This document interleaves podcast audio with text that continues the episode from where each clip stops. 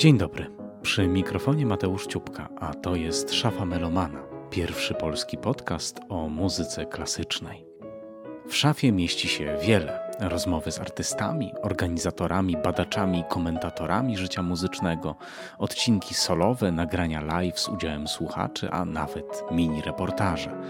Wspólnym mianownikiem dla tego wszystkiego jest muzyka, bo zajmuje się nią nie tylko z zamiłowania do sztuki dźwięku, ale także zawodowo. Pracuje w redakcji ruchu muzycznego, najstarszego polskiego magazynu o klasyce.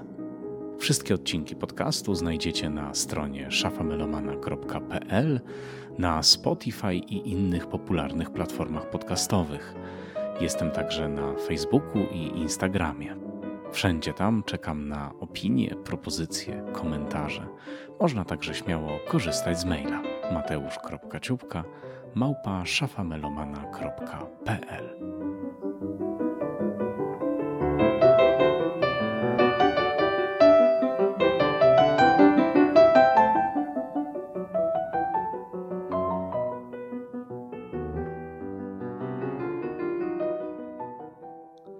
Z festiwalu Opera Rara w Krakowie tym razem melduje się szafa melomana.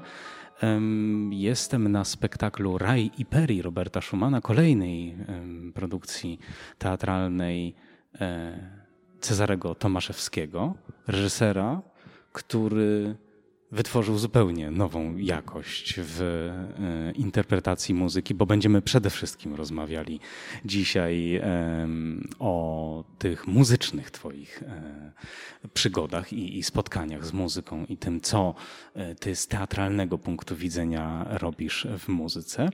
A więc ja już zaczynam o Tobie mówić, ale Cię jeszcze nie przywitałem. A więc witaj Cezary, Dzień dobry, się. Bar bardzo dziękuję za zaproszenie. Że mogę Cię gościć w szafie. Dzięki. Powiedzmy na początku o tym, mm, co się tutaj dzisiaj wydarzy. Ja jeszcze tego spektaklu nie widziałem, bo oczywiście y, on przed nami. Y, Dostrzegłem już w mediach społecznościowych. Adam Suprynowicz napisał queerowa baśń. Czy to jest właściwe, czy nie? Tak, no, wszystko jest właściwe. Co, Okay. każde, y, c- m, wszystko jest właściwe, dlatego że to jest, y, no, każda propozycja teatralna wydaje mi się ciekawa, mm, kiedy można ją odczytywać przez siebie i dla siebie w rozmaity sposób. E, a ten projekt wydaje mi się wyjątkowo e, mm, ciekawy i istotny z tego powodu, że przywraca utwór, który, o którym w Polsce nikt nie ma pojęcia, że istnieje. Na Zachodzie też nie jest zbyt często grany, a w swoim czasie, czyli w okolicach 1843 roku, święcił triumfy na całym świecie i to był jeden z większych sukcesów komercyjnych, można powiedzieć, Schumana, czyli rodzaj jakiejś takiej hybrydy muzycznej em, między o, o, oratorium, operą a pieśnią. Trudno nazwać właściwie czym to jest. Naukowcy się kłócą albo próbują wymyślić nazwę. Em, m, e, nazwać formę, w jakim jest ten utwór. No, trudno, trudno właściwie postawić na jedną z nich. Mm, Ja bym nazwał Raj i Peri jakąś taką wielką, rozbudowaną pieśnią na orkiestrę, chór i solistów. I to jest niesamowite, że, że jesteśmy w stanie to tak naprawdę zaprezentować w wersji scenicznej, bo ona też prawie nigdy nie jest wykonywana scenicznie. W związku z tym, że ma bardzo trudne, nazwijmy to libretto czy tekst, który mm, jest, opiera się na, na, na perskiej mitologii tak naprawdę i wywodzi się z też takiego hitu literackiego z 1940 czy tam 30 roku, nie pamiętam, 1830 Tomasa Mura. I to była pierwsza, pierwszy poemat, który rzeczywiście przytaczał te egzotyczne opowieści i stały się one w tym czasie niezwykle popularne, a teraz są lekko, można powiedzieć, trudne do zrozumienia. No właśnie, y, ale mm, my dzisiaj nie będziemy rozmawiać tylko o tym, ponieważ Tak. siłą rzeczy odcinek zostanie wypuszczony, kiedy już te spektakle będą e, no, przynajmniej e, nie bardzo prędko dostępne. Miejmy nadzieję, że one wrócą oczywiście przy, przy następnych czy edycjach festiwalu, czy przy innych okazjach. Ale y, chcę troszeczkę Cię mm, y, zachęcić do takiego skonfrontowania się z takim poglądem o tym, że tego rodzaju ofowy teatr y, w jakiś sposób odciąga uwagę od muzyki. Niektórzy uważają, że to jest wręcz świętokradztwo, prawda, że te rozmaite pomysły, które ty wpuszczasz w, ten, w tę materię muzyczną są czymś, co co utrudniają odbiór, a właśnie nie ułatwiają. E, ja mogę tylko jeszcze powiedzieć jedno, że znam pośród krakowskich melomanów takich, którzy pójdą na wszystko, co zrobi Cezary Tomaszewski i znam takich, którzy nie pójdą na nic, co robi Cezary Tomaszewski, natomiast nie znam takich, którzy są pośrodku. Żeby dać e, obraz skali emocji, które budzą twoje e, rozmaite mm, no, inscenizacje, pomysły, idee. No, ciekawe to jest bardzo, bo, bo mnie tak naprawdę te moje inscenizacje jakby w ogóle żadnych emocji nie kosztują, poza tym, że po prostu um, um, realizuję um, właściwie jak jakiś pedantyczny, oddany mistrzom muzykolog to, co rozumiem, że mogli, chcieli opowiedzieć swoją opowieścią lub budując mosty między tym, co opowiadali w czasach, kiedy powstała kompozycja, a współczesnym widzem, co to może oznaczać. Poza tym no, nie ma opcji, żeby mój teatr komukolwiek przeszkadzał słuchać muzyki, dlatego że ja jestem muzykiem i choreografem i w operze wszystko jest zapisane w nutach. To jest forma teatralna i dramatyczna. No, po prostu wszystko tam jest, każdy ruch zapisany. W związku z tym to jest niesłychanie precyzyjna praca polegająca na tym, że po prostu nie można niczego zrobić, co nie jest zapisane w nutach, bo wtedy to jest ewidentną brednią. I muzyczną, i jakby wizualną, i, i, i aktorską. Tylko, że po prostu no, no, no to jest po prostu, no to, jest, no to są partytury teatralne najnormalniej w świecie, prawda? Czyli um, aż do tego stopnia, że nie wiem, w operach Straussa są mierzone czasy, ile ile trzeba muzyki, żeby zmienić scenografię w ówczesnym teatrze, prawda? To, mamy teraz jakby lepszą technologię, także teraz tutaj mamy rzeczywiście coś trochę innego do zagospodarowania, natomiast ja słucham muzyki, e, nazwijmy to klasycznej, mm, zacząłem od operowej od 40 lat codziennie, to znaczy jest to jakiś rodzaj po prostu mm, takiego, mm, są to codziennego, domowego partnerstwa, taki najdłuższy związek, jaki miałem i najwspanialszy, bo cały czas rozwijający się i zaskakujący i I, i, no teraz odpowiadam na jedno pytanie, asocjując wątki, no ale e, e, po prostu muzyka w czasach, w których powstawała, była dużo ba bardziej zbliżona do życia człowieka i była czymś dużo bardziej naturalnym niż teraz dla nas od, od wielu lat, kiedy ona stała się po prostu repertuarem przynależącym do instytucji opery czy filharmonii. Stała się jakimś takim rodzajem po prostu snobizmu, czy, czy, czy jakiegoś po prostu, e, nie wiem, pretekstu tego, żeby się pokazać. E, Właśnie myślę sobie teraz, że zwracasz uwagę na rzecz bardzo istotną, dlatego że gdy Verdi wywołał kontrowersję swoją trawiatą, to przecież on pokazał. Tak, on pokazał na scenie to, co ludzie, no powiedzmy pewna warstwa społeczna, tak, bo nie wszyscy, ale no, widzieli na co dzień, tak? To były ich wnętrza, to były ich suknie, Absolutnie to były ich. tak. To przecież I ich mentalność, i ich problemy. Popeye, no to Monteverdiego, jedna z pierwszych oper. No to to był jakiś gigantyczny skandal, których każda postać bezpośrednio dotyczyła konkretnych postaci politycznych mieszkających w tym czasie. E, także no, no po prostu no, muzyka operowa to nie jest muzyka absolutna, chociaż też co znaczy muzyka absolutna. Muzyka absolutna też sugeruje pewien rodzaj obrazowości i ma, ma konstrukcję dramaturgiczną, bo inaczej by się po prostu rozlazła, nawet jeżeli to jest Morton Feldman, który buduje dramaturgię z niczego, czy tam John Cage. Także Tutaj w ogóle nie ma mowy, natomiast jeżeli to jest taka po prostu też staroświecka rozmowa o tym, czy w kostiumie historycznym, czy nie, no to to zupełnie mnie interesuje, dlatego że uwielbiam kostium historyczny i kostium niehistoryczny, a rzecz jest taka, że po prostu współczesność tego teatru polega na tym, że osoby będące w tym świecie, to ciało śpiewaka po prostu jest współczesne i, i, i nie można o tym zapomnieć, czyli po, bo, dlaczego, nie wiem, śpiewacy, młodzi śpiewacy po prostu dwudziestoletni kopiują wygląd i zachowanie jakiegoś nieistniejącego po prostu prototypu diwy w tafcie, który po prostu nie istnieje. No, nie szczerze powiedziawszy, w życiu nie widziałem poza tym, znaczy kogoś takiego, na którym można było się wzorować. No już Maria Callas, czy nawet wcześniejsze śpiewaczki, to jakby e, Także jakby wiem o sytuacji, która istnieje, natomiast jej w ogóle nie rozumiem, dlatego że mm, wydaje mi się, że mm, i w tym tak zwanym reżii teatr i w takim normalnie bardzo tradycyjnym reżii, czyli takim reżyserskim jest masę e, e, nazwijmy to ściemy i amatorki. E, mhm.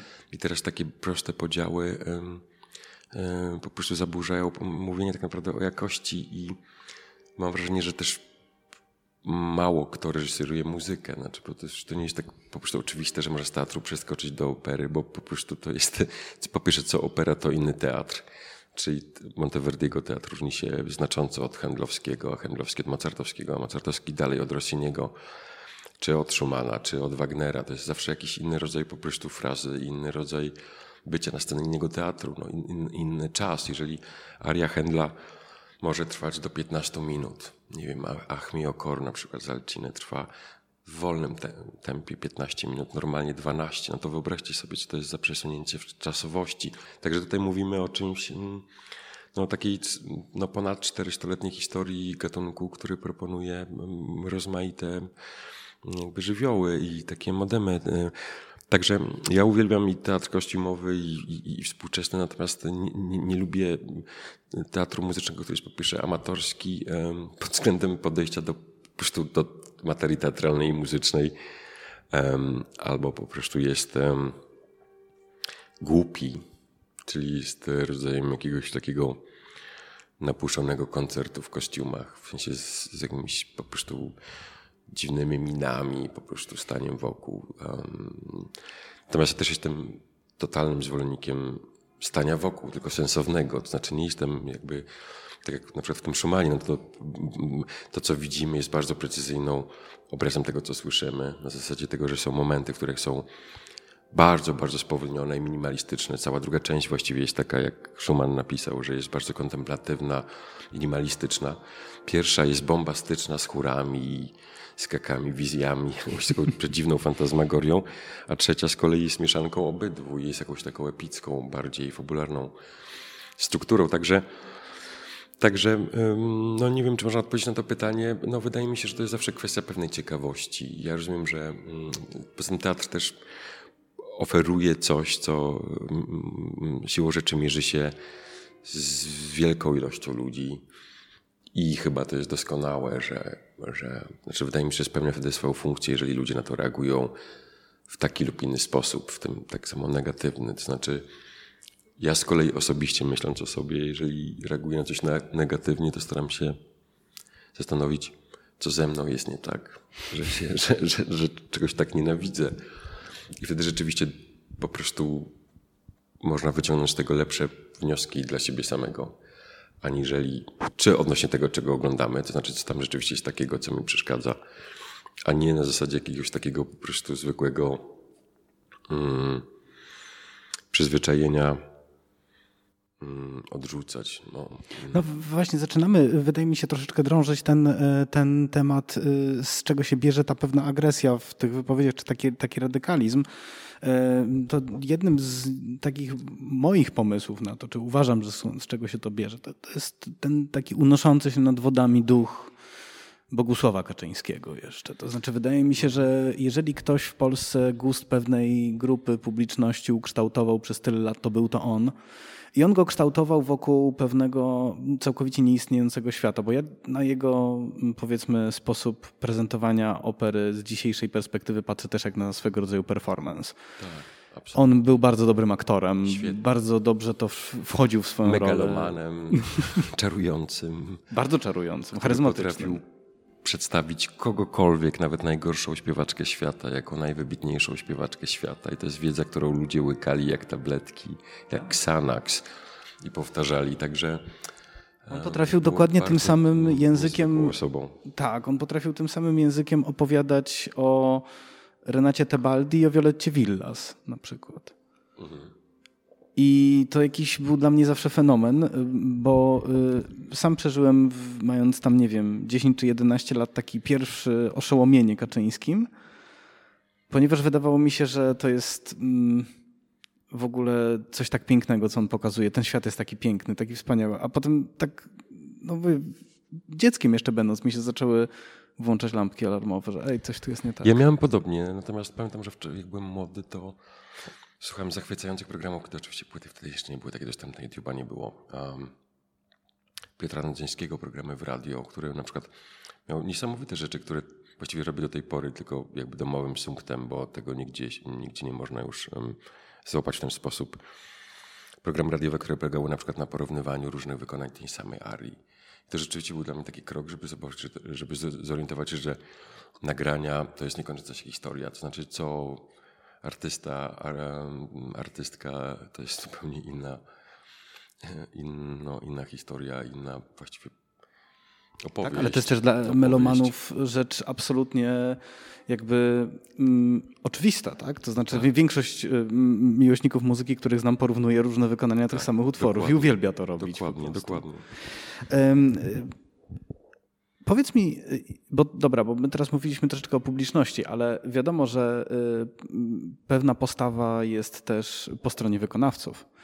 E, skąd inąd wiem, że zdarzają się y, śpiewacy, którzy staną ci okoniem, jeżeli zaproponujesz im to, czy i ten, czy inną rzecz. W moim odczuciu twój wolny strzelec w Operze Wrocławskiej nie był spektaklem jakby mm, nie chcę teraz użyć jakiegoś niewłaściwego słowa, ale nie był tak ofowym spektaklem, czy nie był tak ofowym działaniem jak zabranie Monteverdiego do, był, no właśnie, ja do, do baru mlecznego, czy pokazanie ale... tego, co tutaj się robi w Teatrze Łaźnianowa, nie? Tak, ale no, tam, no to jest bardzo ciekawe, co mówisz. E, mm. Bo Ola Kurzak nie chciała, zdaje się, robić nie, pewnych rzeczy, nie? nie? Ola Kurzak w ogóle, jak decyzje były podjęte, to E, to było wszystko wymyślone, zanim ona przyjechała. Także ona przyjechała na ostatni ten. No.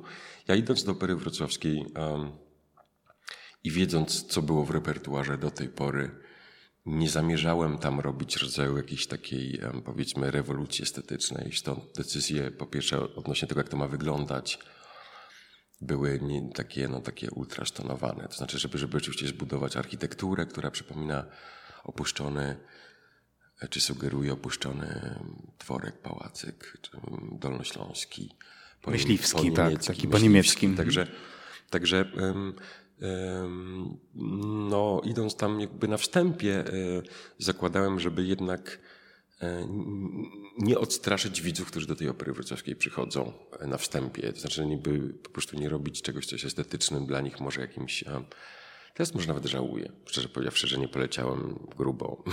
natomiast, y, natomiast y, też Wolny Strzelec jest taką operą, że zależało mi też na tym, że no przez to, że po prostu też w Polsce jesteśmy totalnie jakby bidą muzyczną, w tym sensie, że po prostu nikt nie słucha muzyki, ani nie zna repertuaru na wyrywki. No trzeba to powiedzieć, no, że po prostu partnerów do rozmowy jest bardzo mało, albo jest dużo ludzi, którzy po prostu się przypieli do jakiejś opinii, ją trzymają i, i ona nie rozwija. Także E, Wolny Strzelec jest operą, która jest e, no, nieprawdopodobnie ciekawym tytułem i niesłychanie ważnym w historii muzyki, ale no, jest zupełnie nieznany w Polsce. Znaczy to nie jest coś, co po prostu jest... No, Rekwiem Mozarta też jest nieznane, zauważyłem. Jak robiłem karaoke sakralne, wydawało mi się, że Rekwiem jest jedynym Mozartywnym utworem, który każdy zna. Okazało się, że, ty że tylko Lacrimosa jest znana. Reszta jest, bo była w reklamach.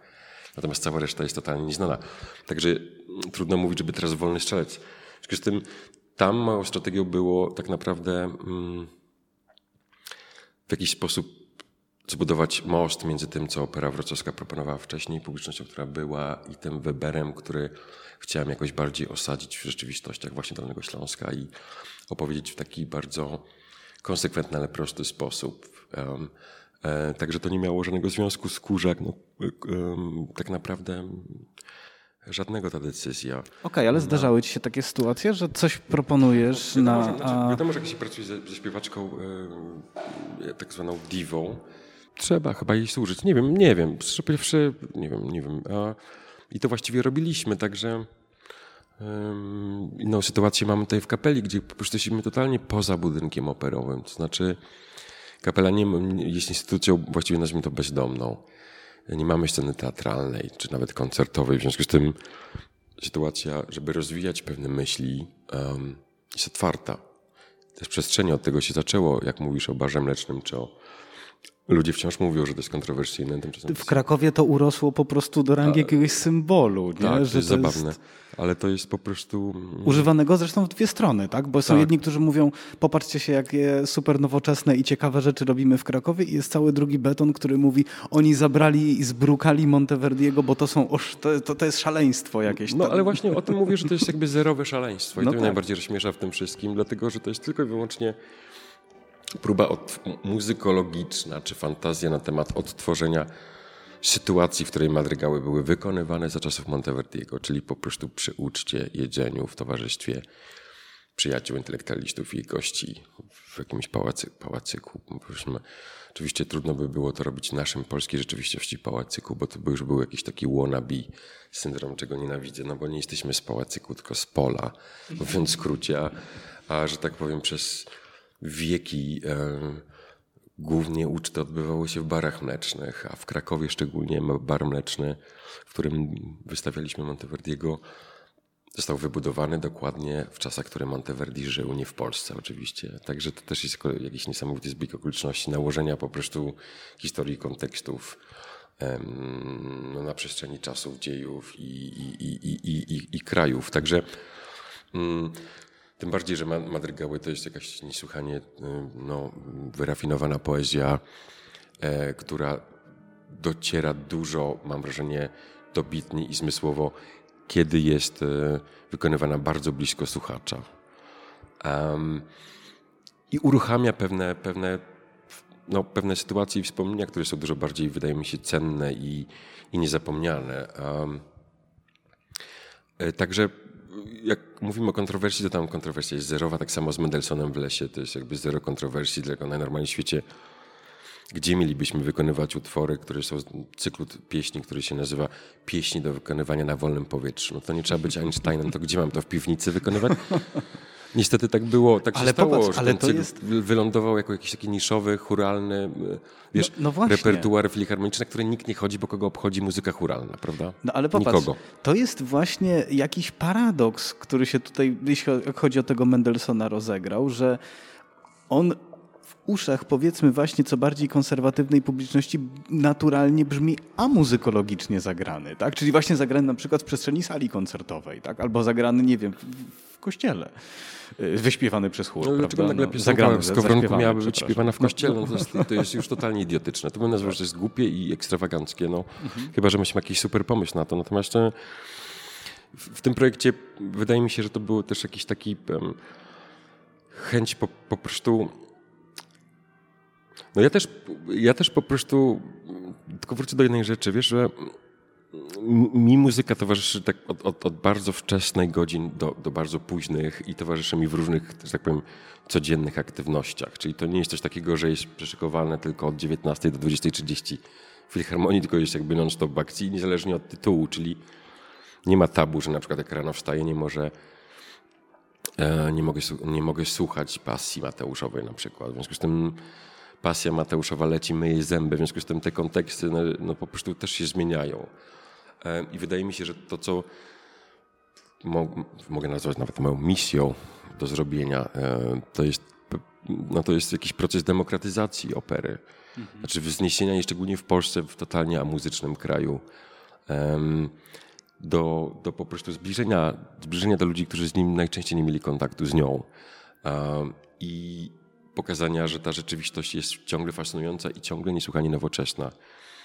No właśnie, jednym z takich, y, y, tutaj dotarliśmy do ciekawego punktu, jednym z takich, y, mam wrażenie, Twoich sposobów na to, żeby przybliżać, jest sięgnięcie do, kurczę, nie wiem jak to nazwać, może nie chcę zawęzić ani też przestrzelić, ale do pewnych takich duchologicznych klimatów. Ja sobie tak pomyślałem, że na przykład w Turnus Mija a w twojej sanatoryjnej operetce, jest, udało ci się uchwycić coś, co mnie jako mieszkańcowi Dolnego Śląska, bywałemu w Długopolu, na przykład zapomnianym zdroju, e, było najzupełniej oczywiste. Ja wiem, o czym ty mówisz, bo e, przechodziłem gdy, kiedyś z psem i widziałem te potańcówki właśnie w takim mm. na poły zrujnowanym. Szalone.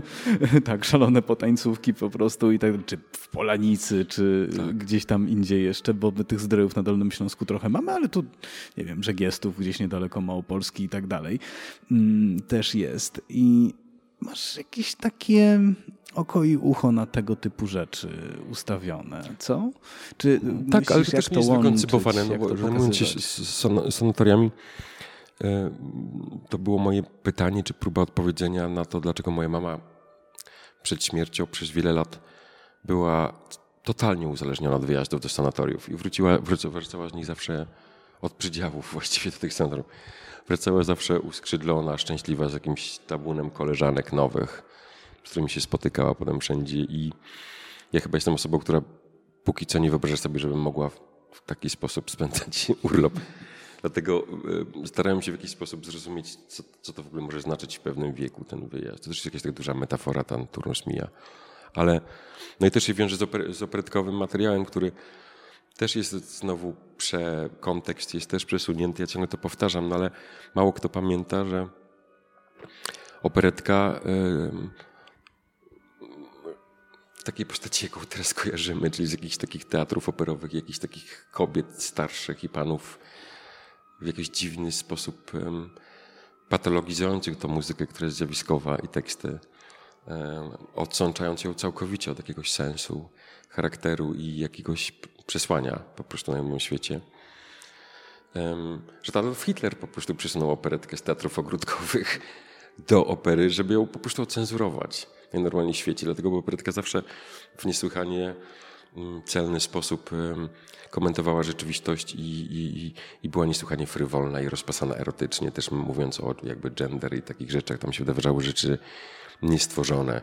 Także, tak żeby trzymać to pod kontrolą, przesunął to do do opery i, w związku z tym inni też muzycy wykonywali tą muzykę, no bo wiadomo, że jak zaczęły śpiewać diwie operowe, to jednocześnie z tym rodzajem śpiewu po prostu piosenki przestały znaczyć cokolwiek. Bo wcześniej śpiewały te osoby o małych głosach, bardziej jak piosenka aktorska, e, z bardzo dużą emfazą na tekst, słowa i wszystkie dwuznaczności, które tam są zapisane. Rozumiał to oczywiście Tuwim pisząc Żołnierza Królowej Madagaskaru, rozumiał to też Przybora i tak dalej, Wasowski. Także to są wszystko takie trochę odpryski tego, czym operetka była wcześniej. No właśnie, to jest jedna z takich ważnych rzeczy w tym, co ty robisz i, i ja mam też poczucie, że tutaj uchwyciłeś e, pewne sedno sprawy, że to jest jakiś zadziwiający rozjazd pomiędzy też e, tym, co się stało z operetką e, tu w Polsce, a co jest na Zachodzie, bo Zachód już dawno poszedł w operetkę jako właśnie pole eksperymentu queerowego, genderowego, tak, y, pokazywania. Czyli jakby mówiąc krótko, w tej formie operetka wraca do swoich korzeni. Absolutnie. A ona u nas się trzyma y, i, i, i w pewien taki jakiś, nie wiem, perwersyjny sposób jest pielęgnowany. Ten taki powiedzmy klimat mały dom kultury, prawda, w małym mieście, tak, i robimy koncert operetkowy, festiwal y, Kiepury, Krynica, jakieś takie, co że to jest, jest prawdziwa. Co też jest co też jest oczywiście miłe, ale wydaje mi się, że zauważ, że tego się też już nie gra nigdzie. No bo gdzie, gdzie, gdzie możesz iść na operetkę w Polsce? Nigdzie. Operetka warszawska nie istnieje, operetka wrocławska nie istnieje. No, w, op w operze krakowskiej Zemsty Nietoperza możesz zobaczyć. Właśnie w takim wydaniu, to tak... To jest bardziej chyba opera niż operetka. No tak. Mówiąc, to, jest po prostu... Mhm. Chociaż też nikt nie rozumie, o czym to jest tak naprawdę. Tak. Szczerze, jakby się przyjrzeć, no bo to jest, to jest dosyć pojechany materiał. Jak myślisz o tym, co tam jest zapisane w, w samym jakby historii, która się wydarza. Tak, ale jest masa też operetek, których się w ogóle nie gra. Nie? Jakby nie wiem, ile to jest w Polsce znanych tytułów. W sensie tak, gdyby rzucić no, i ludzie Paul znają... Abraham, który teraz króluje, no wielki powrót w komisze Oper Berlin, jest kultowy. Nikt tego nie zna. No. Nikt. Tu jest tak Lechar trochę, coś tam Strauss, no, nie? Ale też co, no jak ja byłem młody, mm -hmm. no to rzeczywiście to jeszcze było coś takiego, że moja mama kojarzyła e, Carewicza i takie rzeczy, no, bo no. to jeszcze było wykonywane. A teraz yy, no nie wiem, no jak proponuję komuś w teatrze, żeby robić operetkę, no to tak średnio na to reagują, bo teraz chcieliby wszyscy mieć musical w teatrze po prostu. Przecież po prostu może trzeba by było wziąć operetkę i ją zrobić jako musical, ale musical to też jest coś innego, bo musical jest trochę bardziej tandetną wersją operetki, tak bym to nazwał, bo ona, to musical jest zazwyczaj już tak muzycznie wulgarne po prostu na normalnym świecie. Tak, Nawet bo to się osuwa z wodewilu jeszcze gdzieś, nie? I tak, tak dalej. Tak, tak, tak. tak. Um, no, no ja tylko mówię o takiej wielkiej ciekawości i wielkim szacunku do tych wszystkich y, form teatralnych, teatru muzycznego i też do kompozytorów i do twórców tekstu i um, nic lepszego w życiu nie odkryłem niż teatr muzyczny. W sensie po prostu uwielbiam to i to nie mówię teraz o swoich realizacjach, tylko ogólnie rzecz biorąc. Sam jestem wrażenia, że wielokrotnie wolę po prostu słuchać płyt niż iść do teatru na przedstawienia, które po prostu są bezmyślne, albo niewyreżyserowane, albo tandetne, albo po prostu mega brzydkie. Nie wiem, jak można po prostu, nie wiem, mieć YouTube'a i no teraz będę trochę chamski, znaczy żyć w swojej współczesności i świetlić przedstawienia operowe jak w, nie wiem, w 90. na niebiesko i czerwono. Znaczy, wydaje, znaczy bez mhm. jakiegoś też konceptu na to, dlaczego tak, a nie inaczej. Także no są takie rzeczy, że no wydaje mi się, że że to nie jest walka pokoleniowa, że po prostu fajnie, że teatr daje różnorodność, dlatego żeby każdy z widzów, bo każdy widz jest na wagę złota, że każdy z widzów mógł złapać coś, co mu odpowiada. Ci, którzy chcą się rozwijać, coś innego, każdy w różnym wieku, ci, co nie, coś innego. Także ja nie jestem przeciwny żadnej jakby postaci. Pod warunkiem, mówisz, że jest dobrze e... zrobiona, że jest po prostu profesjonalnie zrobiona. Wypad z, Zefirellim, prawda? Nie, uwielbiam to... Zefirellego. Na przykład no, no najlepsze właśnie. przedstawienia Rossiniego i tego nikt nie stopował nigdzie. Po prostu to są przedstawienia Jean-Pierre Ponel. Te mm. filmowe wersje też Kopciuszka i Cyrulika. Po prostu nikt tego lepiej nie wyreżyserował. Dlatego mm, i, i, to działa do tej, do tej, do tej pory. Zefirelli i Turandot wydaje mi się wciąż najlepszą Turandot z Metropolitanu. Oczywiście ona kosztowała 100 miliardów dolarów, ale rzeczywiście było warto, skoro można to dograć przez 100 lat kolejnych. No tak. z takim samym sukcesem, no bo po prostu to jest no, takie widowisko, po prostu no, takie, taki Cirque du Soleil operowy. I to jest rzeczywiście coś niesłychanie pięknego, jak się widzi, coś, co jest tak bogate i piękne w sensie scenografii i kostiumu. No tylko właśnie tutaj problem polega na tym, że to można zrobić raz. Yy doprowadzić to do takiego poziomu tak. jakby, i to jest maksimum, tak? Jakby maksimum. co tam można y, zrobić innego, nie? I teraz jeżeli będziemy w tym samym duchu produkować po prostu słabsze wersje tego, no to zawsze będziemy dawali tak, jakiś niedostatek, i, tak? Tak, tak myślę, tak dokładnie nazywasz to, o czym myślę, no ja po prostu lubię też, jak ludzie mierzą się z rzeczami i, i, i tutaj nie chodzi o to, żeby też odnosić zawsze sukces, ale w jakiś sposób E, starać się zrozumieć rzeczy. Wiem, że też czytałem teraz o Turandot Barykowskiego w Amsterdamie, gdzie w ogóle nie ma Turandot. Ona śpiewa z backstage wszystko, no bo skoro jest to takie trudne, to może nie... I wszystko jest o jakimś gigantycznym chórze, który właściwie to jest opera o chórze, wściekłym chórze. Um, um, i, I, to mnie w jakiś sposób fascynuje, znaczy w sensie jakiegoś pomysłu. Ja nie widziałem przedstawienia, także nie będę tego oceniał. Natomiast w takich trudnych ty e, tytułach jak Turandot na przykład, to rzeczywiście jest nieziemsko trudne, żeby złapać tak naprawdę, co chcemy tym opowiedzieć. Czy to po jest to, co zapisane, czy, czy w ogóle to ma sens, jak to się uspółcześnia? Jaki? E, to, to, no, no, to ja po prostu lubię, dlatego też szukam nagrań. Nie, nie, nie jestem jestem antypurystą w tym sensie, że nie mam czegoś takiego, że, że nie wiem, Szymanowski czy Chopin powinien brzmieć tylko tak, jak gra go Zimmerman. Właśnie wydaje mi się, że każdy powinien grać tak, jak mu się wydaje. Powinno się grać, bo to są zapisane dźwięki po prostu w normalnym świecie. I mnie to fascynuje, że każdy kolejny muzyk, który przychodzi do czegoś, co jest, nie wiem, totalnie oklepane, jak, nie wiem, sonaty fortepianowe Mozarta, graje w zupełnie inny sposób. I ja te nagrania kupuję i po prostu kupuję, kupuję, to jest niekończące się kupowanie, tak naprawdę i słuchanie ale rzeczywiście dzięki tym wszystkim wspaniałym artystom coraz więcej wiem e, o tym utworze i coraz więcej go odkrywam na różne jakby strony. I to jest podstawowa rzecz, która po prostu też wydaje mi się kluczowa, że nie jesteś w stanie poznać Don Giovanniego znając go z jednego nagrania. Po prostu nie. Musisz go znać ze wszystkich, żeby zobaczyć jak on jest gumowy i jaka, jaki jest jeszcze ocean możliwości, żeby do niego w ogóle podchodzić, jeżeli można go w ten sposób muzycznie interpretować to teatralnie tym bardziej, że to jakby to nie jest zawsze ten sam Don Giovanni, prawda? A, a, a jeszcze ostatnią rzecz ci powiem, ja też w mojej pracy bardzo bazuję na, na osobowościach wykonawców. I to jest luksus też pracy z kapelą, że mamy tak naprawdę jedną obsadę. W związku z tym mogę się rzeczywiście przyjrzeć konkretnym ludziom i pracować z nimi i służyć im w taki sposób. No nie jest to przedstawienie na przykład, tak, rozumiesz, Toska w Wiener Staatsoper, która miała premierę w 56. I tak jest grana. I tak jest grana w tej samej scenografii, która wygląda tak jakby miała zaraz runąć na śpiewaczkę główną. No, nie, nie to, że się czepiam, ale rzeczywiście tak wygląda. To prawda, widziałem. Tak, i teraz kolejna po prostu milionowa Toska już śpiewa tą Toskę w tym samym settingu. Także ja nie mówię o takiej sytuacji, gdzie się już ktoś uczy z jakichś notatek nie wiadomo kogo i czego i po prostu kopiuje coś, czego w ogóle nie rozumie, w sensie takiej reżyserii, która się odbyła kiedyś. Także tutaj możemy sobie pozwolić na taką pracę dużo bardziej detaliczną i dużo bardziej służącą wykonawców, wykonawcom ich osobowości, czy ich potrzebom, kreacji. Bo w takim normalnym systemie, gdzie masz kilka obsad, to jest trochę bardziej skomplikowane, bo też nie masz tyle czasu, żeby z każdym z obsady pracować w osobny sposób. Także koniec końców i tak kopiujemy podobne kroki. E, jak e, powiedział ci podobno e, Jan Tomasz Adamus, gdy cię zaprosił do tej pierwszej współpracy z kapelą, rób co chcesz. Tak powiedział. No Tomek jest niesamowity pod tym względem, rzeczywiście, że to się w ogóle nie starza.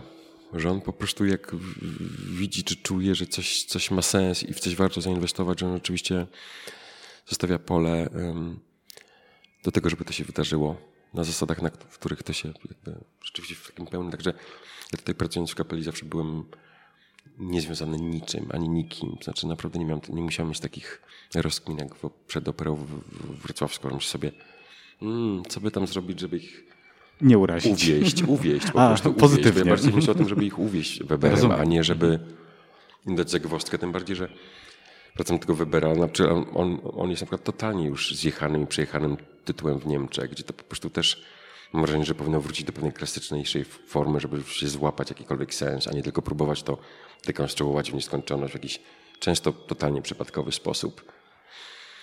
Um, Także no, widzisz, tak, tak pływamy trochę po tych, po tych, tych ale mm, ja też nie mam, jak ty mówisz o off, czy a, ktoś mi mówił o eksperymentalnym, też nie mam w ogóle uczucia, że jakiś ek, eksperymentalna opera to jest zupełnie coś innego. Znaczy taki off-off to jest zupełnie coś innego. My tutaj nie robimy niczego eksperymentalnego. To jest po prostu mega profesjonalnie zrobione. To jest bardzo specjalne też ze względu, mówię o Raju i Peri, przez estetykę, że scenografki, kostiumolożki, Aleksandry Wasilkowskiej. Tutaj wracamy do Adama i queeru. E, no to jest queerowa historia queerowej postaci, która, została, która nie może wejść do raju, bo jest queerowa, czyli jest zmieszana, jest troszkę mhm. mieszańcem. Że po prostu nie przynależy, tak bym nazwał. Jest jakaś osobna, bo jest córką upadłego anioła i śmiertelniczki. W związku z tym tutaj już się zaczyna właściwie queerowa historia. No, tak samo jak, nie wiem, w Pryczyli Królowej Pustyni w Kapitalu, jest dokładnie to samo. Mm. Mm. Idąc tym tropem, po prostu opowiadamy tą historię. Natomiast ona jest opowiedziana właściwie w taki sposób, jaki jest zapisana. Tam nie ma no, tutaj potwierdzam, że znając Twoje inscenizacje, wiem, że Ty nie idziesz poprzek partytury, co jest częstym grzechem reżyserów teatru dramatycznego, którzy się biorą za dzieła muzyczne. Zawsze. Ja tego nienawidzę. Którzy znaczy, mają naprawdę podstawową, podstawowy problem ze zrozumieniem tego, że czas w muzyce definiowany jest partyturą, a nie wolą reżysera. Absolutnie, to jest podstawa i to jest rzeczywiście też spowodowane z tym, że u nas w Polsce nie ma... Znaczy ja mam to szczęście, że jestem i muzykiem, dyplomowanym i choreografem i reżyserem, natomiast, czyli czytam partytury i nie, nie, mówię tego, żeby się chwalić, ale może właśnie, żeby się chwalić i to trzeba też jasno powiedzieć, że po prostu, po prostu nie ma w Polsce edukacji robisz, no. reżyserii no. operowej, nie ma. Reżyseria operowa czy dramaturgii operowej to jest przede wszystkim praca na nutach i dźwięku. Po prostu, w związku z tym Trzeba trzeba tak naprawdę patrząc na partyturę, trzeba zadać pytanie o każdą nutę. Po prostu o każdą nutę. Dlaczego nagle, nie wiem, Weber w, w uwerturze do Wolnego Strzelca m, dziwnie moduluje nagle relacje w pewnym momencie. Dlaczego, co to opowiada? Jakby co to jest w ogóle, co to znaczy? To nie jest przypadkowe, że wrzucamy cokolwiek, gdziekolwiek. Najprościej pod tym względem jest reżyserować operę współczesną, która nie ma takiej domkniętej formy. W związku z tym tam właściwie można grać jak w teatrze normalnym, dramatycznym, po prostu łazić i performować na zasadzie pewnej wolności. Natomiast cofniesz się do Händla, proszę cię. Trzy godziny Ari Abea e, da capo. Jak, w jaki sposób e, e, zrozumiesz w ogóle tę formułę? Czym jest powrót A1, jakby nie po B? Co to oznacza? Jaki rodzaj teatru możesz tego wyłowić? Czy to jest jakieś totalnie formalne, czy, czy możesz myśleć o tym jakoś realistycznie? Jak Peter Sellars na przykład, no który robił bo- Juliusza Cezara, który rzeczywiście w jakiś genialny sposób złapał realizm i formę w jednym, bardzo blisko muzyki. Na ile każda nuta powinna być wizualizowana, która się zdarza, na ile nie.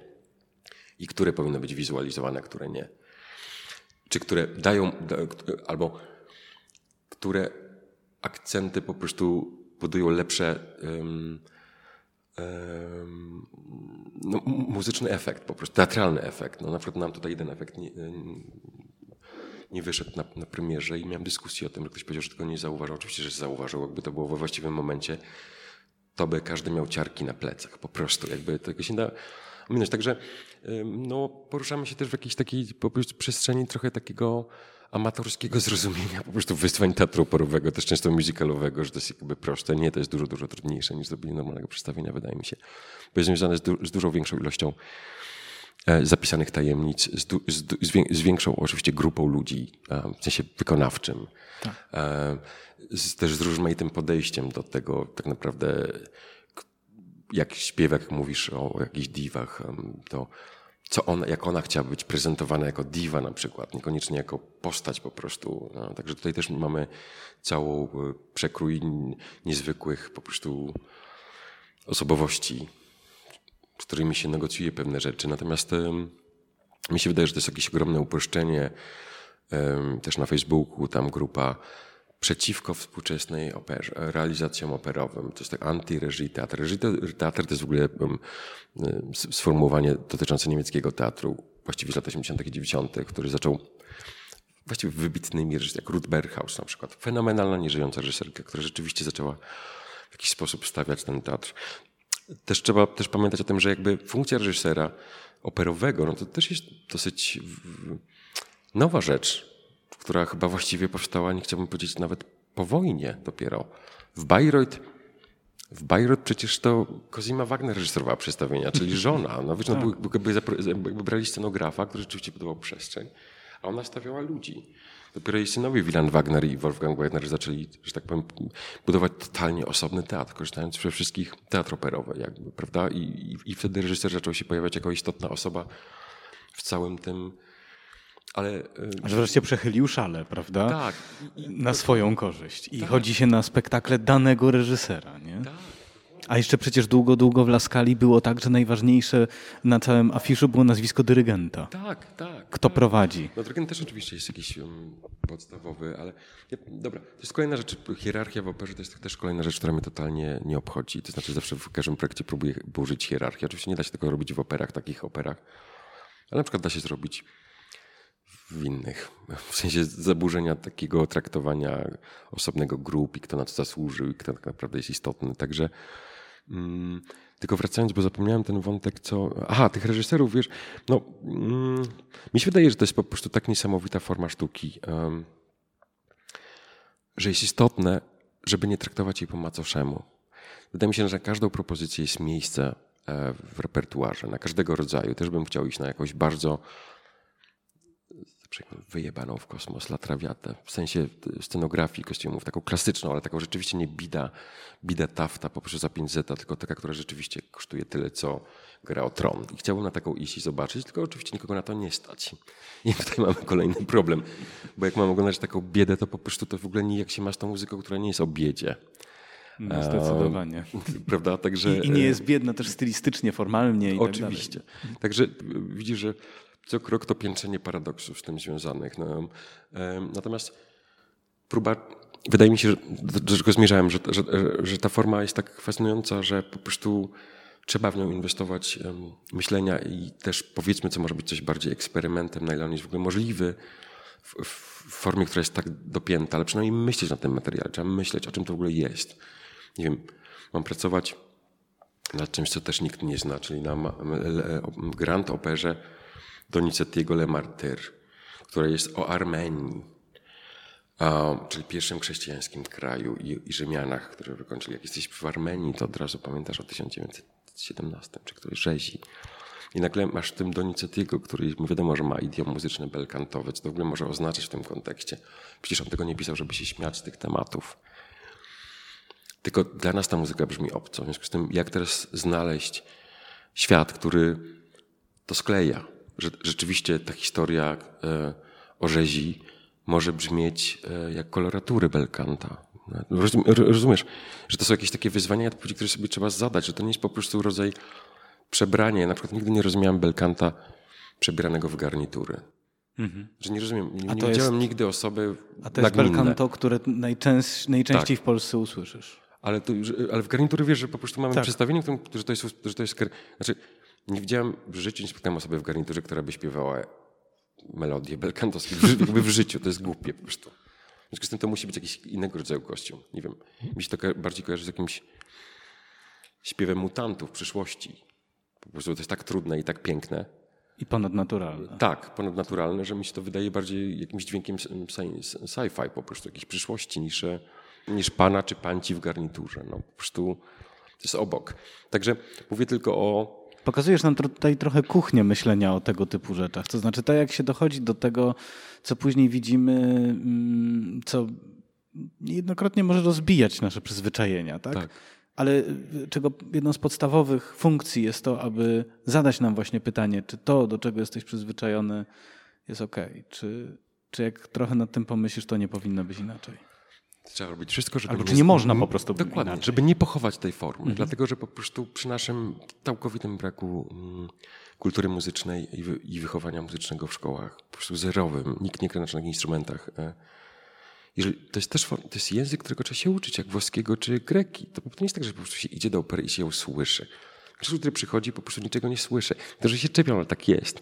Moja, moja historia z operą też jest taka, że po prostu, nie wiem, do, do e, nie wiem, do, do kawalera z różą musiałem pracować przez chyba dwa lata, żeby, żeby ogarnąć tą partyturę, żeby, żeby móc ją usłyszeć w ogóle.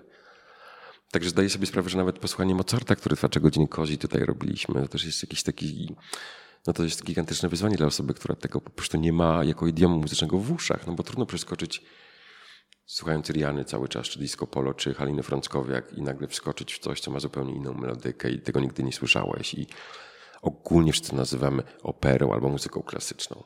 To jest wszystko totalne upraszczanie, totalne upraszczanie. W związku z tym, szczególnie w tym kraju, wydaje mi się takie niesłychanie mm, istotne, żeby traktować tą pracę ultra poważnie e, i rzeczywiście próbować, ja mówię demokratyzować, no ale w jakiś sposób próbować ludzi zainteresować, czy ucza, wręcz oczarować tym, jak, jak ktoś po tym raju mówił, że miał wrażenie, że śni, że był w jakimś śnie i nie wiedział, że po prostu też co wziął, że to niby takie narkotyczne. No to światła są trochę narkotyczne, ale e, ten Schumann jest narkotyczny po prostu. To jest rzeczywiście jakiś taki rodzaj odlotu nieprawdopodobnego.